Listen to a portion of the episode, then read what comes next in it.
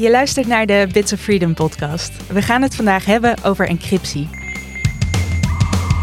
Geen datalekken, achterbakse tracking, geen bizarre wetten, gewoon geen wereldvreemde shit voor het wereldwijde web.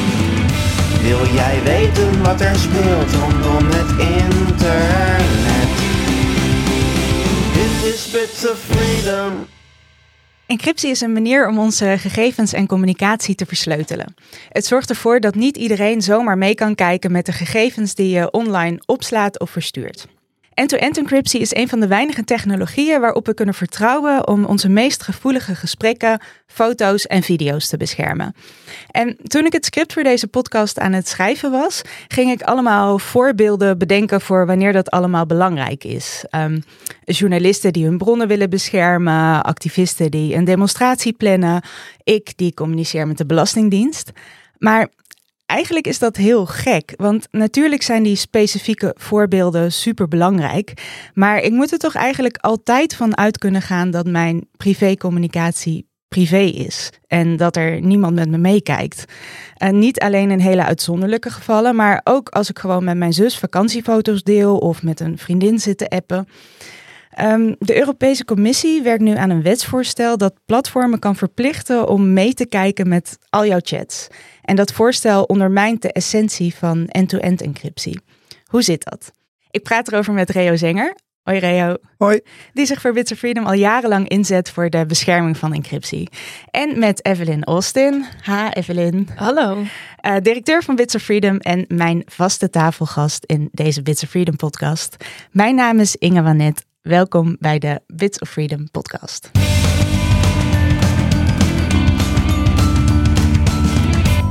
Evelyn, ik heb natuurlijk heel veel zin om zo met Reo de wereld van de versleuteling in te duiken. maar ik ben ook heel benieuwd hoe jouw week op het internet was. En uh, je hebt ongetwijfeld weer iets leuks uitgezocht of iets interessants om daarover met mij te delen. Ja, nou, het was wel een enerverende week op het internet. Ik kon ook moeilijk kiezen. En uiteindelijk is wat ik uh, met je wil delen. We zitten hier in, uh, op kantoor in Amsterdam. En dus het is een lokaal nieuwtje. Uh, is het nieuws of de aankondiging van de burgemeester, burgemeester Halsema, om een online gebiedsverbod te kunnen opleggen. Ik zag het voorbij komen inderdaad. Ik vroeg me heel erg af, hoe gaan ze dit doen? kan dit? Ja, nou, het is dus het gaat, uh, of tenminste in haar aankondiging ging het specifiek over drillrap-video's. Um, waarin uh, ja, een soort van uh, fitties worden uitgevochten. En dat, dat leidt ook echt tot geweld op straat. Dat is natuurlijk niet, niet goed. Maar met jou hadden heel veel mensen vragen over een online gebiedsverbod. Wat dan en hoe dan en wat moet ik me daarbij voorstellen? Het was ook niet de eerste keer dat het daarover is gegaan. in 2000 nee, ik denk vorig jaar in 2021 heeft um, een 17-jarige jongen in Utrecht heeft een online gebiedsverbod opgelegd gekregen door de burgemeester van Utrecht. Omdat hij had opgeroepen tot uh, rellen. Dat was volgens mij in het kader van corona. Maar waar het uh, uh, precies over gaat, is bepaalde oproepen over bepaalde gebieden verbieden.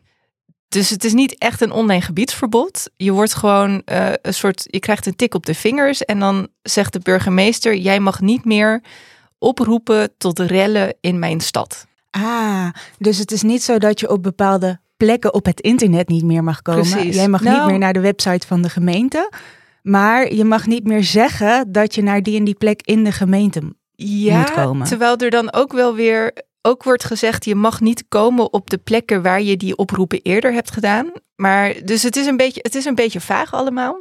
Maar het, het lijkt in de kern lijkt het ja, inderdaad soort van beperkt te zijn tot dus die oproepen over bepaalde gebieden. Ik vond het, ik vond het dus ik denk dan meteen, hoe ga je dat in hemelsnaam handhaven? Dat lijkt me echt een crime. Uh, vooral nog toen het ging over, uh, of toen ik dacht, want online gebiedsverbod klinkt als je mag op plekken op het internet niet komen. Nou ja, goed, dat is dus niet aan de hand. Maar ik, ik, vind, er, het, ik vind het gewoon een hele interessante zaak, want um, de burgemeester geeft zelf al aan, uh, eigenlijk is er geen juridische basis hiervoor. Dus het is een bevoegdheid die ik helemaal niet heb, die ik ga inzetten in goed overleg met de politie en de veiligheidsdriehoek. Nou, dat is natuurlijk al heel bizar. Ik denk ook dat, nou ja, nog even los van die handhaving en hoe dat dan precies gaat. Uh, stel je voor dat jij de burger bent die voor het eerst het online gebiedsverbod krijgt opgelegd. En dan heeft, heeft jouw eigen burgemeester gezegd: Ja, nou ja, als je het er niet mee eens bent, weet je, ga dan maar naar de rechter en dan vechten we het daar wel uit. Dus je komt ook als burger in een soort van hele rare twilight zone waar je eigenlijk niet meer precies weet wat je rechten zijn en niet meer precies weet wat nou wel en niet mag. En dat laatste punt vond ik uiteindelijk nog wel het interessantst, want Queenie Rijkowski, VVD-Kamerlid, heeft dit ook al een maand geleden een keer geopperd dat de VVD zich daarvoor in wil zetten, de minister van uh, eh, JNV ook. En zij zegt, ja, uh, we hebben natuurlijk binnen het strafrecht mogelijkheden om dit soort uitingen te uh, adresseren. Maar dat is natuurlijk ook wel weer zo'n heftig middel, strafblad, et cetera, et cetera. En als je het zo via het bestuursrecht kunt doen, is dat minder ingrijpend. En dat klinkt dan, ik dacht, oh nou, wat aardig. En toen dacht ik, huh? Maar dan heb je dus straks, mag je iets niet vanuit het bestuursrecht niet, maar ook vanuit het strafrecht niet. En wie bepaalt dan wanneer welke van de twee wordt toegepast?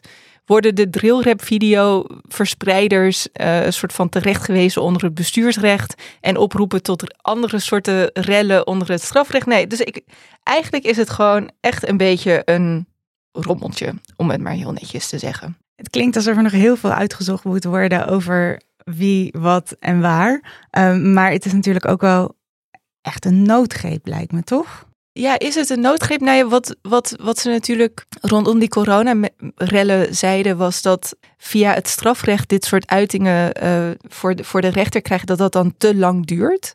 Dus ik stel me dan voor dat ze willen dat de politie op een moment, of de burgemeester, op een moment dat iemand zegt: morgen om vijf uur daar en daar. We gaan vechten. Dat de politie dus een soort van meteen bij je op de stoep kan staan om te zeggen: hé, hey, je moet het weer offline halen. Maar kan de politie dat niet nu eigenlijk ook al? Er zit ook heel veel omheen rondom de monitoring van sociale media door de politie, ook echt in die gemeentelijke context. Dus daar, daar wordt uh, ook steeds meer op ingezet. Een soort inlichtingen eigenlijk uh, een beetje. Ja, dus het is uh, ja, nog veel vragen. En eigenlijk wordt die burger trouwens hier gewoon als een soort proefkonijn neergezet. Precies. Want die mag het dan uit gaan zoeken voor de rechter. Het is toch heel bizar dat je als burger als proefkonijn wordt ingezet voor wetgeving. Nou ja, en die, dus die jongen in Utrecht, die dat gebiedsverbod heeft gekregen, die, die was 17. Ik las ergens iemand die zei, uh, ja, die jongen die was al blij dat hij er zo makkelijk van afkwam. Uh, die gaat dan echt niet de stap zetten om dit voor de rechter uh, uit te vechten. Waardoor je dus ook, ja, die burger wordt te dupe, maar je creëert, creëert ook jurisprudentie. Die eigenlijk niet heel behulpzaam of heel scherp of, of um, ja, dus het is. En het is weer eens de omgekeerde volgorde soort van iets inzetten voordat het echt mag. En, en, en dan gaan uitzoeken of het eventueel zou mogen. Ja, ja, zeker. Ja, dus en dat zien we natuurlijk op gemeentelijk niveau en bij de politie um, heel erg veel. Um, dus, uh, maar ik vond het hier nog een soort extra pijnlijk, omdat het zo vanuit de burgemeester kwam. En ik, ik, ik vind toch dat de burgemeester die is er voor ons. En natuurlijk moet die, uh, heeft hij verantwoordelijkheid voor de openbare orde.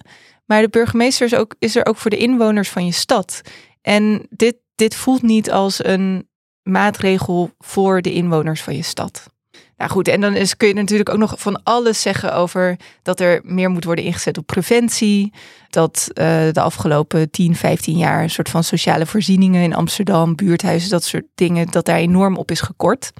En dat er dan jongeren een soort van uh, naar uh, andere ja, activiteiten grijpen is niet goed. Maar misschien ook, misschien is, zijn er ook een soort van aan de, aan de voorkant maatregelen te nemen, waardoor je niet hele repressieve surveillance maatregelen hoeft uit te rollen. Zo klinkt het wel. Dankjewel.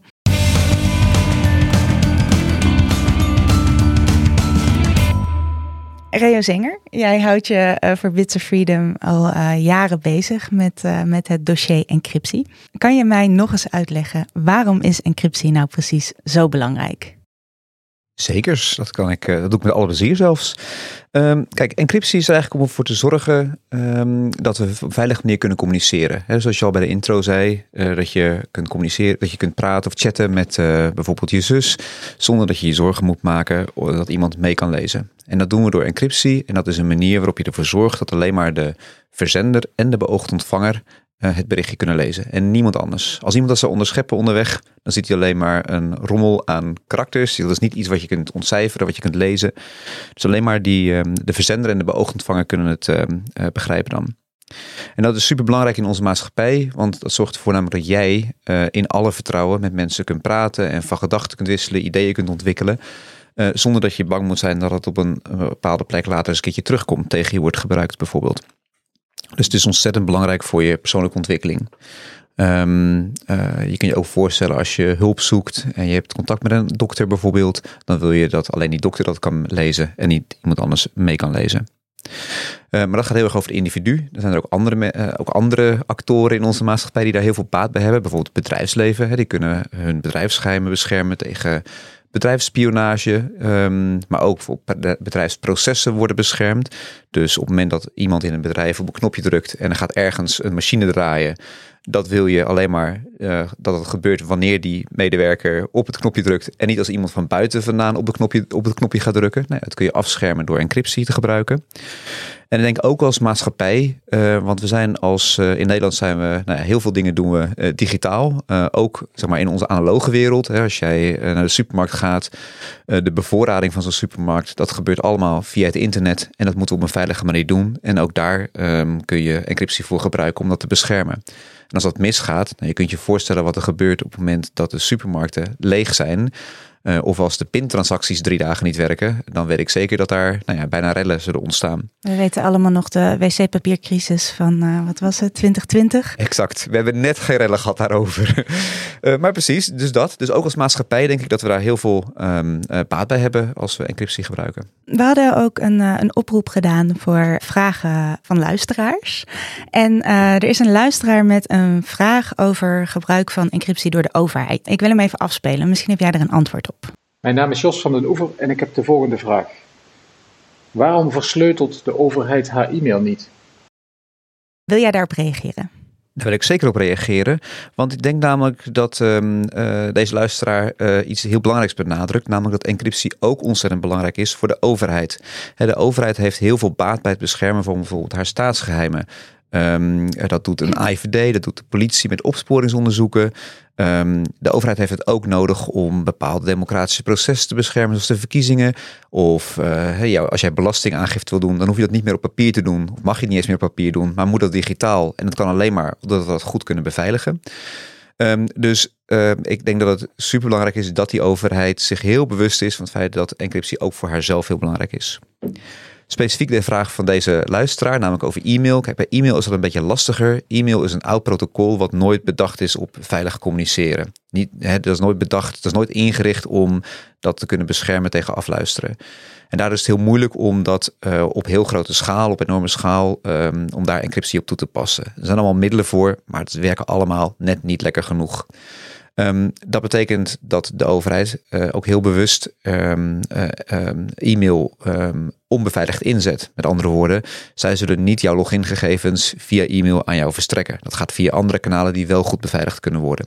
Dus ik denk dat specifiek e-mail beveiligen, dat het heel lastig is om dat echt end-to-end encrypted te doen. Maar dat er andere middelen zijn via welke de overheid wel versleuteld en veilig kan communiceren. En die zet de overheid dan ook in. Dus dan heb je het bijvoorbeeld over eh, inloggen met je DigiD bij mijn belastingdienst of dat soort services. Precies. Dus bijvoorbeeld als de overheid jou een gevoelige brief wil sturen, iets rondom je toeslagen bijvoorbeeld, dan krijg je in je mailbox op zijn best een mailtje waarin staat: hey, in jouw berichtenbox staat een, e-mail, staat een, eh, een brief voor, je klaar. Ehm, maar om die brief te kunnen lezen, zul je via een beveiligd, met encryptie beveiligd kanaal, namelijk via de website van de overheid, eh, die brief pas kunnen inzien. Gaan we jou niet een rant over PGP kunnen ontlokken? Daar hoopte ik Ik eigenlijk op. hoopte ook eigenlijk dat we nu een soort van ingekomen reclameboodschap zouden krijgen. Maar Nou, dat kan best, maar ik heb uh, mij net heel bewust daarvan afzijdig gehouden. Dat merkte ik. uh, maar ik ben inderdaad niet zo'n groot fan van uh, PGP. En dat komt omdat het, um, kijk, die, die technologie die werkt in theorie op zich heel goed. maar de, de, de, de, praktische implementatie daarvan is heel moeilijk. Dat geldt overigens met heel veel um, encryptie. Dat is, echt, dat, dat is niet makkelijk om dat goed te implementeren. Um, zijstraatje, dat merkt de politie heel goed als zij bijvoorbeeld uh, de versleutelde netwerken van criminelen wil uh, doorbreken. Daar kan ze af en toe op inbreken. Dat is waarom we verhalen als EncroChat hebben, uh, waarbij de politie een crimineel versleuteld netwerk inbreekt en daar komt meelezen. En dan lijkt het net alsof zij, in haar woorden, aan de koffietafel van criminelen zit. Um, en dat komt omdat ook voor criminelen is goed encryptie implementeren bijzonder moeilijk. Um, uh, en met PGP is dat, is dat ook heel lastig. We moeten Tachi aan de PGP helpen. Uh, dat zou uh, gunstig zijn voor de opsporing, absoluut. En niet alleen uh, voor criminelen, ook voor ons. Ik moet tot mijn schaamte bekennen dat uh, de persoon die deze vraag stelde mij uh, probeerde versleuteld te ma mailen en mij erop attendeerde dat mijn sleutel verlopen is. excuses daarvoor. Maar het laat wel zien hoe moeilijk dat eigenlijk is om het echt goed te doen.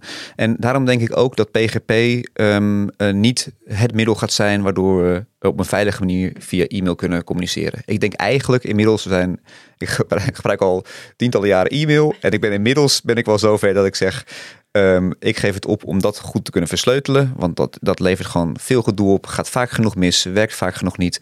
En dus moeten we, als we versleuteld willen communiceren met elkaar, een ander kanaal gebruiken. Precies, dus misschien niet PGP, maar je, je gaf wel aan hoe belangrijk encryptie eigenlijk op al onze niveaus in onze samenleving is. Dus op persoonlijk niveau, bedrijven, overheden. Um, nu werkt de, de, hele maatschappij, ja. Um, jij en ik werken nu echt al best wel lang samen. En eigenlijk hoor ik jou al die tijd al zo om de paar maanden, dan wel jaar, dat encryptie weer vreselijk onder druk staat. Uh, waarom is dat zo? Ja, frustrerend hè? Ja. Dat je mij iedere keer hetzelfde verhaal hoort houden. um, ja, nou ja, kijk, uh, we noemen het af en toe het zombie-dossier. En dat komt omdat dan, dan weten we dat weer even met, met veel pijn en moeite, weten we dat weer even te beschermen. Dan is het weer heel even rustig bij de overheid. En dan komt er weer iemand die denkt, ja nee, maar de opsporing heeft hier last van. Hier moeten we iets mee. Of de inlichtingendienst heeft hier last van. Dus dat moeten we inperken, dat gebruik van encryptie. Dus elke paar jaar, en dat is al ik zou bijna willen zeggen vier decennia zo. Dus elke paar jaar komt weer iemand met het slimme plan om te zeggen: ja, nee, encryptie is een probleem, dat moeten we inperken. En iedere keer moeten we opnieuw uitleggen dat dat misschien wel een legitieme wens is. Hè? Dus er, ligt, er zit een probleem onder wat, waar aandacht voor moet zijn. Maar dat het uh, inperken van encryptie heel veel meer schade oplevert dan dat het ons gaat brengen. Um, uh, en uh, nou ja, gelukkig zijn wij van lange adem. Um, uh, gelukkig verveelt het nooit om iedere keer dat verhaal opnieuw te vertellen. Um, maar dat is wel de realiteit. Ja, want we zitten nu ook weer in een, in een piekperiode. encryptie staat weer onder druk en wij zijn het weer aan het, aan het verdedigen. kan je uitleggen waarom encryptie nu weer onder druk staat? Um, ja, dus er zijn denk ik, op dit moment zijn er sowieso meerdere ontwikkelingen die parallel lopen van elkaar. Um, kijk, in Nederland heb je, um, uh, staat encryptie onder druk omdat uh, door opsporing bijvoorbeeld gevoeld wordt dat het uh, afluisteren niet meer zo effectief is. En dat is ook niet zo gek, want als je, laten we zeggen, tien jaar geleden of vijftien jaar geleden een telefoon of internetverbinding aftapte, dan was heel veel van die communicatie niet versleuteld. En dat betekent dat als je dat aftapt als politie of als AIVD zijnde, dat je dan uh, de inhoud van die communicatie kan meelezen of meeluisteren. En dat is natuurlijk heel waardevol voor opsporings- en inlichtingendiensten. Als ze dat nu doen, dat aftappen, dan uh, kunnen ze niet meer meeluisteren, want het is allemaal versleuteld. Zij hebben, zij hebben geen toegang meer tot die sleutels en dat betekent dat zij niet de inhoud van dat bericht kunnen ontcijferen. Um, dat maakt dat het de, zeg maar, de, de waarde of de effectiviteit van het opsporingsmiddel afluisteren, dat die afneemt. Je, daar heb je minder aan dan dat je daar vroeger aan had. En dat is een pijn die gevoeld wordt door politiemensen, door rechercheurs, door mensen die bij de IVD werken. Um, en natuurlijk is dat een valide um, uh, zorg of een valide probleem. Hè? Dus het is logisch dat ze dat, dat ze dat ervaren en dat ze, dat, dat ze daar hinder van ondervinden en dat opsporingsonderzoeken niet meer opgelost kunnen worden op de manier waarop ze dat gewend waren. Ehm, en aangezien dat geluid doorcijpelt richting de minister, is er een minister die dan steeds weer zegt: ja, dilemma's, uh, encryptie is belangrijk, maar de encryptie zorgt ook voor dat dat afluisteren niet meer zo goed werkt. En dus worden er voorstellen gedaan of wordt er over nagedacht hoe je uh, encryptie kunt inperken zodanig dat het afluisteren weer effectief is. Dat is één discussie, die loopt op Nederlands niveau. Um, dat loopt in de laatste paar jaar weer. En op Europees niveau is er een andere discussie gaande. Die gaat over het bestrijden van seksueel misbruik van kinderen. Ook ontzettend belangrijk dat er aandacht voor is. Maar uh, de Europese Commissie die uh, neemt de kortst mogelijke weg en zegt uh, dat materiaal van seksueel misbruik van kinderen wordt verspreid. dat, moeten we, um, dat, dat, moeten we tegengaan. dus moeten we maar kunnen filteren en moeten we dat maar tegen kunnen houden. Maar omdat, hè, we hebben het de hele tijd over encryptie, omdat al onze chats met end-to-end encryptie zijn versleuteld, betekent dat alleen, nou, als ik jou een berichtje stuur, dat alleen jij en ik dat inhoud van het berichtje kunnen lezen. Dat betekent dat een ander dat niet meer kan meelezen. En dat betekent dat als de Europese Commissie haar wetsvoorstel kan doordrukken, dat al die bedrijven die dit soort oplossingen bieden, dat die iets aan die end-to-end encryptie moeten doen, die dat moeten dat afbreken om in staat te zijn uh, om mee te kijken of wij niet strafbaar materiaal met elkaar delen.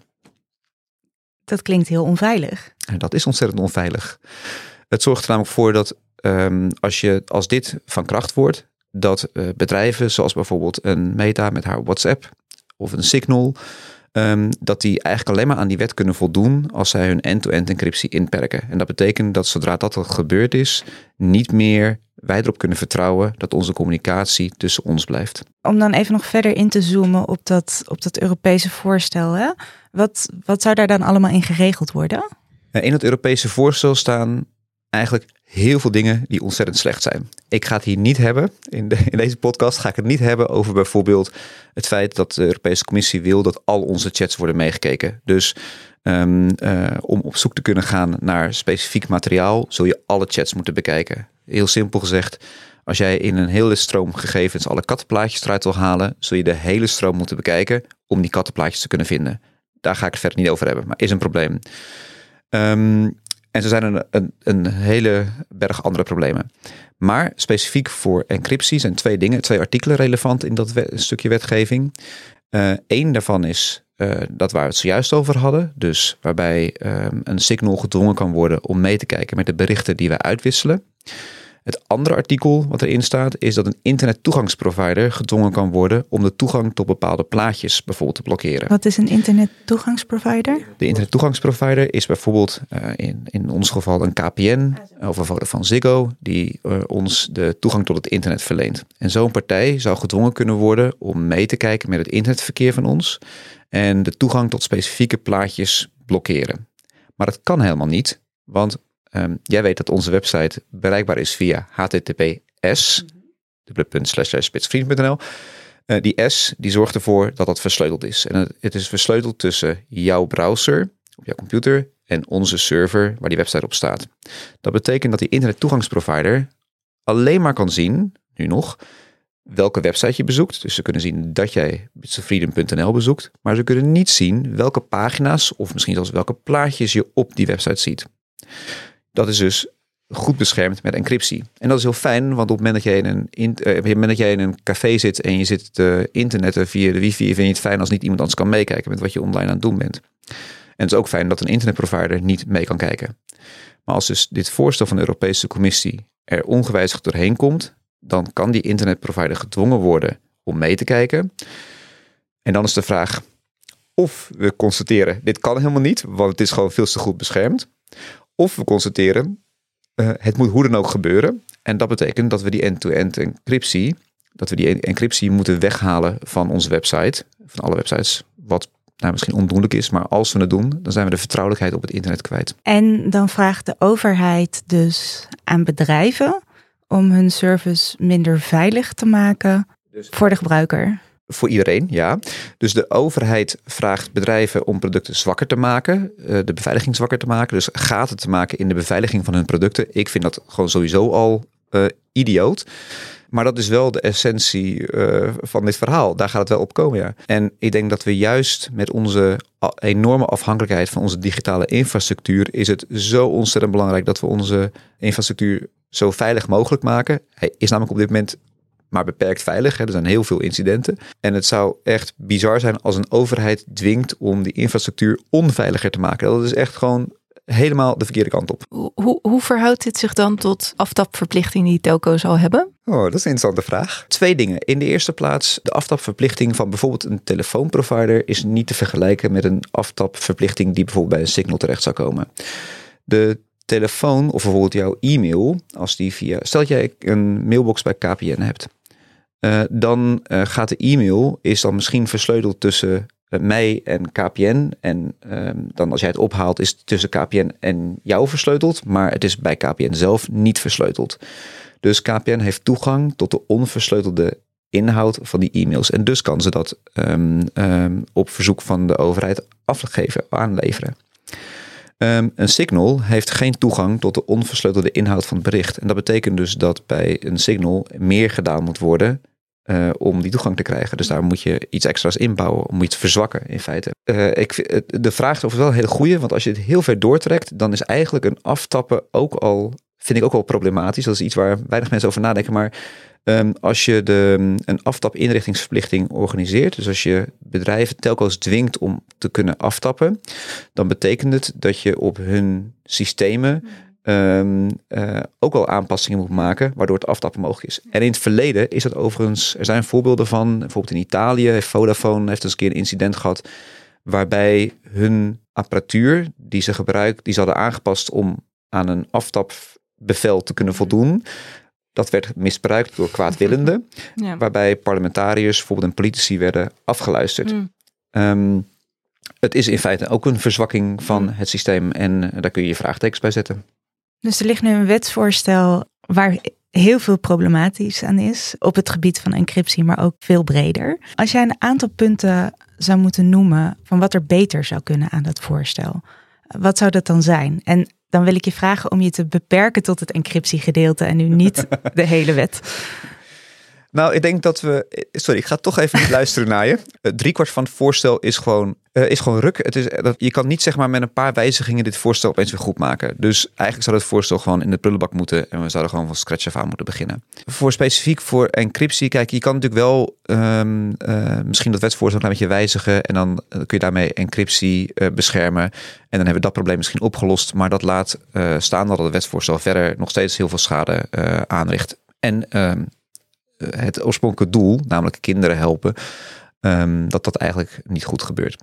Dus volgens mij moet het voorstel gewoon in de prullenbak en zou je eigenlijk veel meer moeten kijken naar waar zijn nou echt problemen. En volgens mij kunnen we uh, met veel minder ingrijpende maatregelen heel veel meer effectieve stappen zetten. Zoals? Um, nou, bijvoorbeeld, ja, als we ons even tot Nederland beperken. Um, uh, ik kan me niet voorstellen dat je het ontgaan is, maar de afgelopen jaar is er al zo ontzettend veel gezegd over bijvoorbeeld de capaciteit bij de zedenpolitie. Als jij um, uh, als een, jongere aangifte doet van verkrachting bijvoorbeeld, uh, dan um, is er de afspraak dat die zaak binnen een half jaar of binnen een jaar bij de rechter dat daar een zitting over is. In de praktijk redden ze dat helemaal niet, omdat ze de capaciteit er niet voor hebben. En kan het dus voorkomen dat de politie pas nou als je al uh, door de ontmoediging van de aangifte uh, heen bent, als je aangifte gedaan hebt, dat je dan pas na een jaar of misschien wel pas na twee jaar dat een rechercheur de tijd voor heeft om jouw zaak te onderzoeken. En dit soort zaken zijn heel complex en dat maakt het dat die complexiteit wordt alleen maar vergroot na die twee jaar. Dus dan wordt het alleen maar nog lastiger om zo'n zaak op te lossen. En in de tussentijd weten we ook, heeft de politie bijvoorbeeld heel weinig aandacht voor de slachtoffers in zo'n zaak. Dat betekent dat er heel veel plankzaken zijn, heel veel zaken niet opgelost meer kunnen worden. En volgens mij is het dus veel verstandiger als we um, jongeren willen helpen, als we kinderen willen helpen, als we bijvoorbeeld die capaciteit van de politie vergroten. En dat is als kinderen en jongeren of hun ouders al naar de politie stappen. Want ik las laatst ook weer een artikel over de schaamte die er bij heel veel kinderen en jongeren is om überhaupt de stap te maken om zich uit te spreken over uh, misbruik online. Precies. Dus denk, dus capaciteit vergroten is één eh, ding wat je zou kunnen doen. Voor mij kunnen we meer van dit soort stappen bedenken. Preventie uh, is een ander bijvoorbeeld. Um, en dat zou ervoor zorgen dat je veel meer bij de kern op het probleem aanpakt. Want je gaat namelijk veel beter kunnen opsporen. Dus je kunt de daders kun je pakken in plaats van dat de dader vrij uitgaat en alleen maar de ehm, het resultaat daarvan wordt ingeperkt. Ehm, ehm, eh, dus ik denk dat je met minder eh, inzet van middelen meer eh, kunt bereiken. En het, je hebt daarbij niet de negatieve nevenschade die je hebt als je bijvoorbeeld de vertrouwelijkheid op het internet op het spel zet. Dus ik denk dat, er, dat dit wetsvoorstel gewoon weggegooid moet worden. En dat we gewoon moeten kijken naar wat is eigenlijk het probleem en hoe lossen we dat goed op. Je hebt goed aangegeven waarom encryptie zo belangrijk is, waarom dit wetvoorstel eigenlijk heel erg ruk is voor eh, veiligheid online. Wat doet Bits of Freedom allemaal om, nou ja, of het voorstel te verbeteren of het in de prullenbak te doen laten belanden en gewoon met betere maatregelen te komen? Zoals eigenlijk bij al ons werk is het komt het erop neer dat we beleid proberen te beïnvloeden. Dus we proberen die slechte wetgeving weg te houden. Dat betekent dat alles wat we doen eigenlijk daarop gericht is. En een van die dingen is bijvoorbeeld dat we de Nederlandse regering scherp proberen te houden. Uh, encryptie staat al, hè, we noemen het al een zombie-dossier. Encryptie staat al uh, decennia lang bij de Tweede Kamer op de agenda. En een van die dingen die daar gebeurt is dat de Tweede Kamer steeds minder geduld heeft met de minister van Justitie en Veiligheid. Um, uh, die encryptie belangrijk zegt te vinden, maar tegelijkertijd uh, ook die andere kant uh, steeds weer naar voren brengt. En de Tweede Kamer die um, heeft steeds minder geduld. Dus die heeft bijvoorbeeld in de afgelopen maand een keer een motie um, aangenomen waarin de Nederlandse regering wordt verzocht om end-to-end encryptie nu echt eens te beschermen. En je merkt gewoon in de debatten dat de, de Tweede Kamerleden worden echt gewoon gefrustreerd met deze minister. In het context van het Europese wetsvoorstel betekent dat volgens ons dat als je end-to-end encryptie wil beschermen, dat je gewoon ervoor moet zorgen dat het wetsvoorstel van de Europese Commissie wordt afgefakkeld, dat het in de prullenbak verdwijnt. Nou, wat wij dus onder andere doen, is uh, de druk verhogen bij de minister van Justitie en Veiligheid om in Europees verband um, dit wetsvoorstel van tafel te krijgen. En dat betekent dus dat ze met die motie in de hand niet alleen maar tegen dat Europese voorstel moeten zijn, maar dat ze ook andere lidstaten actief overtuigt van um, het slechte van het wetsvoorstel. Um, dus wat wij onder andere doen, is dat we de Nederlandse regering heel erg pushen om een veel actiever standpunt in te nemen en andere lidstaten ook te overtuigen van hoe fout dit eigenlijk het wetsvoorstel is.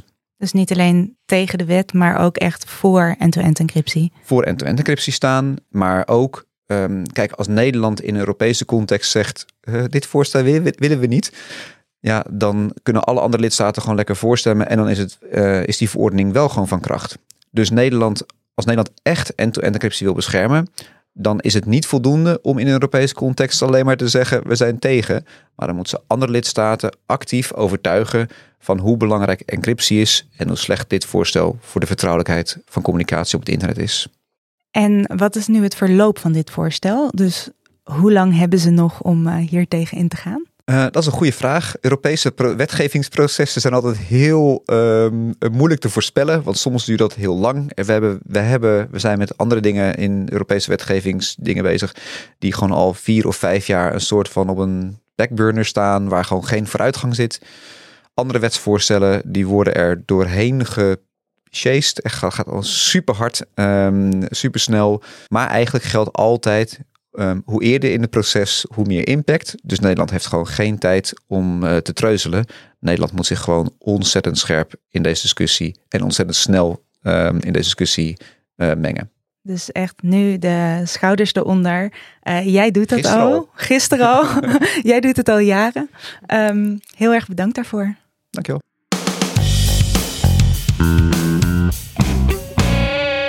We sluiten de podcast elke week af met een telefoontje naar iemand met een bijzondere kijk op het internet. En deze week bel ik met Dries de Poorter. Voor zijn project The Follower gebruikte hij open wifi-camera's en AI om te ontdekken hoe een Instagram-foto wordt gemaakt. En misschien heb je de video's van het werk al wel voorbij zien komen. Links zie je een mooi geposeerde Instagram-foto en rechts zie je beelden afkomstig van een beveiligingscamera op straat, die de momenten voor het maken van de foto heeft vastgelegd. Het resultaat is een creepy inkijk in hoe alomtegenwoordig surveillance op straat is geworden. En hoe kunstmatige intelligentie het mogelijk maakt om mensen te lokaliseren met slechts een paar openbaar beschikbare datapunten. Ik ga Dries bellen.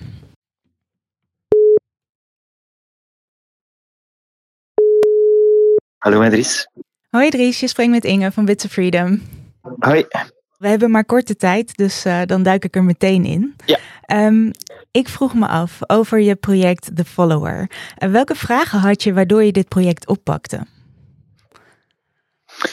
Ja, nee, eigenlijk is het ontstaan door uh, een experiment uh, waar ik mee bezig was. Een uh, totaal ander experiment. In heel veel van mijn werk maak ik gebruik van open camera's. En ik was eigenlijk op een dag open camera's aan het bekijken. En eigenlijk kwam ik een plaats tegen waar dat er heel veel ehm, selfies genomen waren. um, en ik, eigenlijk dacht ik van mezelf, oké, okay, kan ik zo een persoon terugvinden op Instagram? Want er was een persoon echt zo 30 minuten foto's aan het maken. Wauw. En ik dacht, ik ga de volgende dag op Instagram op die locatie gaan kijken en uh, gewoon ja, uh, om, die, om die persoon terug te vinden. Um, dat, is, ja, dat is niet gelukt, maar uh, eigenlijk was dat de start of de inspiratie om de follower te maken. En dan heb ik eigenlijk heel het proces uh, geautomatiseerd, uh, waardoor ik wel uh, personen heb gevonden. Ja, ik, dus toen ik het voorbij zag komen, ik vond het zo confronterend. Dus ik, ben, ik gebruik zelf Instagram, ik ben er best actief op. En ik dacht, oh ja, god, zo sta ik daar dan de beste foto te maken. zo ziet dat eruit. Ik vond het echt, um, nou ja, voor mij uh, vrij confronterend. Um, ik vroeg me af, welke, welke impact hoop jij dat het, uh, dat het project heeft? Schaamte. Dankjewel, Evelyn. Uh, ik denk dat mensen ook wel herkenbaar vinden. Uh, maar eigenlijk, ik denk dat mensen zich moeten afvragen van, ik ben één persoon die dit project gemaakt heb. Ik heb een beperkte toegang tot open camera's, uh, een beperkte toegang tot data. En ik ben ook maar één persoon, dus mijn ja, coding skills zijn ook beperkt. Um, en ik kan zoiets maken. Ik denk dat dat, dat een vraag kan opwekken van oké, okay, uh, wat kan een overheid dan doen? Uh, die dat denk ik tot een uh, volgend level kan brengen. Um, dus ja, ik denk dat, dat, dat die, mm. dat vraagstuk daar een beetje in zit in mijn laatste nieuwe project. Ja, dat maakt het inderdaad misschien nog wel enger dat, uh, dat, dat jij dit in je eentje al allemaal uh, voor elkaar kreeg. Ja. En nu, nu mm-hmm. gaan heel veel van jouw projecten um, um, bewegen zich uh, op deze thema's, zeg maar. Dus jij weet hier al heel veel van. Was er een moment dat jij dacht, oh shit, het is echt nog eigenlijk erger dan ik me van tevoren voor kon stellen? Goh, ik, ik toets mijn projecten voordat ik ze online plaats altijd af uh, met twee advocaten. Um, dus ik ga kijken van, uh, kan ik dat wel doen? Uh, als ik dat kan doen, wordt een soort van risicoanalyse ook gemaakt. Um, en ja, dat is eigenlijk hoe dat ik tegenwoordig werk. Ik zeg niet dat al mijn projecten uh, uh, online komen ook. Uh, maar ik heb twee advocaten en die gaan eigenlijk het werk bekijken. En het probleem soms is dat de ene dat zegt en de andere advocaat zegt dat. En dan weet ik het zelf niet. En dan eigenlijk wat ik vaak, ja, dat, dat beweegt soms een beetje dat ik echt zo in een, een grijze zone beweeg. Mm -hmm. En dat maakt het, ik probeer het echt zo, ja, zo af te toetsen van kan dit, uh, maar ja, ik kreeg daar nooit echt een duidelijk antwoord op. Um, dus um, ja, dat is een beetje dat ik werk tegenwoordig. Gelukkig moet ik niet al mijn werk aftoetsen bij advocaten. uh, niet alles. Uh, uh, ja, het zijn ook bravere werken bij, ik zal het zo Hmm. noemen. Hey, en je zei zelf al um, dat dit project eigenlijk is ontstaan uit een, uh, uit een ander project dat je aan het doen was. Mm -hmm. Zijn er weer nieuwe vragen die dit projectje heeft opgeleverd, waar je weer uh, op door uh, kan bouwen? Goh, ik bouw niet echt door. Uh, Ik denk het volgende die er aankomt is weer totaal iets anders voor mij. Ik ben afgelopen jaar nog heel veel bezig rond privacy en surveillance, maar ja, doorheen um, ja, ik, ik hoop altijd wel een andere thema's aan te reiken, maar uh, ja, de, het volgende werk die eraan komt is aha, totaal niet over die thema's. kan je een tipje van de sluier oplichten? Eh, het is een soort van stoel, ik zal het zo zeggen. En als, als we dat willen bekijken, waar, eh, waar kunnen we dan terecht? ik weet nog niet wanneer het, eh, het is, wanneer dat eh, online komt, eh, maar het is echt zo een werk voor een, eh, een tentoonstellingsruimte. Het is ook geen werk die viraal gaat gaan. Dat is echt, eh, ehm, maar ik denk wel een leuke voor, een, voor een tentoonstelling. Hey, Dries, even nog, nog één vraag over ehm, de follower. Hè? Want je zei, Mhm.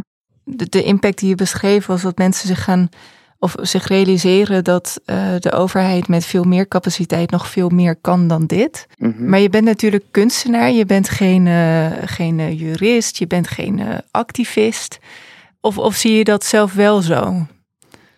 Nee, ik zie mezelf meer als een kunstenaar. Mhm. Ehm, ja.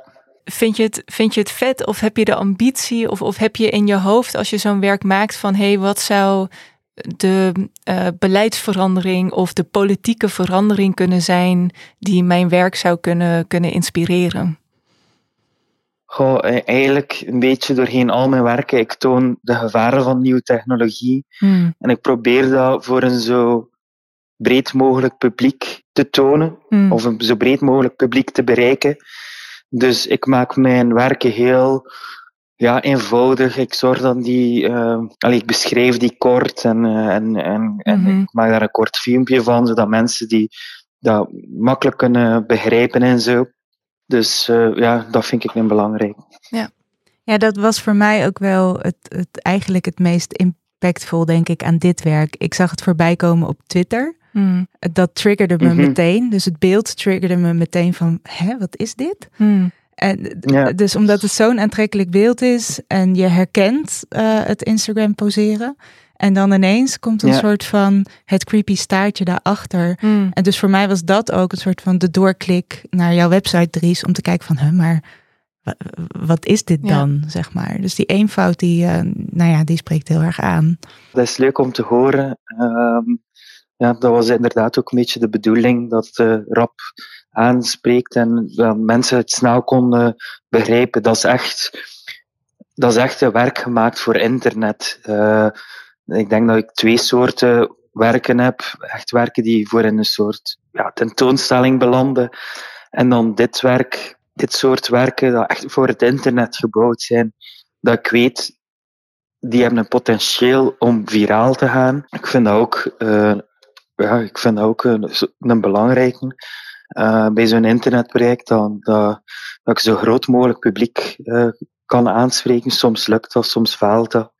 Eh, maar dit is bij dit project wel gelukt. Echt heel erg vet. En heel erg dankjewel dat je even met ons wilde bellen hierover. Ja, geen probleem. We kijken heel erg uit naar, je, naar je volgende werk. Ik denk, nou ja, ofwel in een expo of we zien het online weer, weer voorbij komen. Dankjewel. Ja.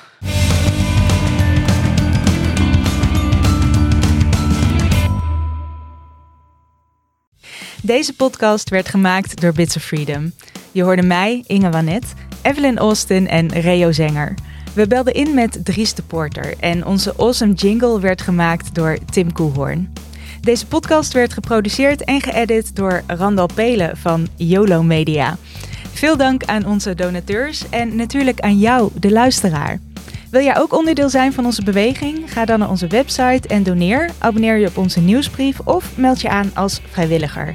En vergeet niet om een keer een vraag in te sturen die dan beantwoord wordt in deze podcast. Eh, we doen daarvoor regelmatig oproepen op Twitter of in onze nieuwsbrief. Geen datalekken, achterbakse tracking, geen bizarre wetten, gewoon geen wereldvreemde shit voor het wereldwijde web. Wil jij weten wat er speelt rondom het internet?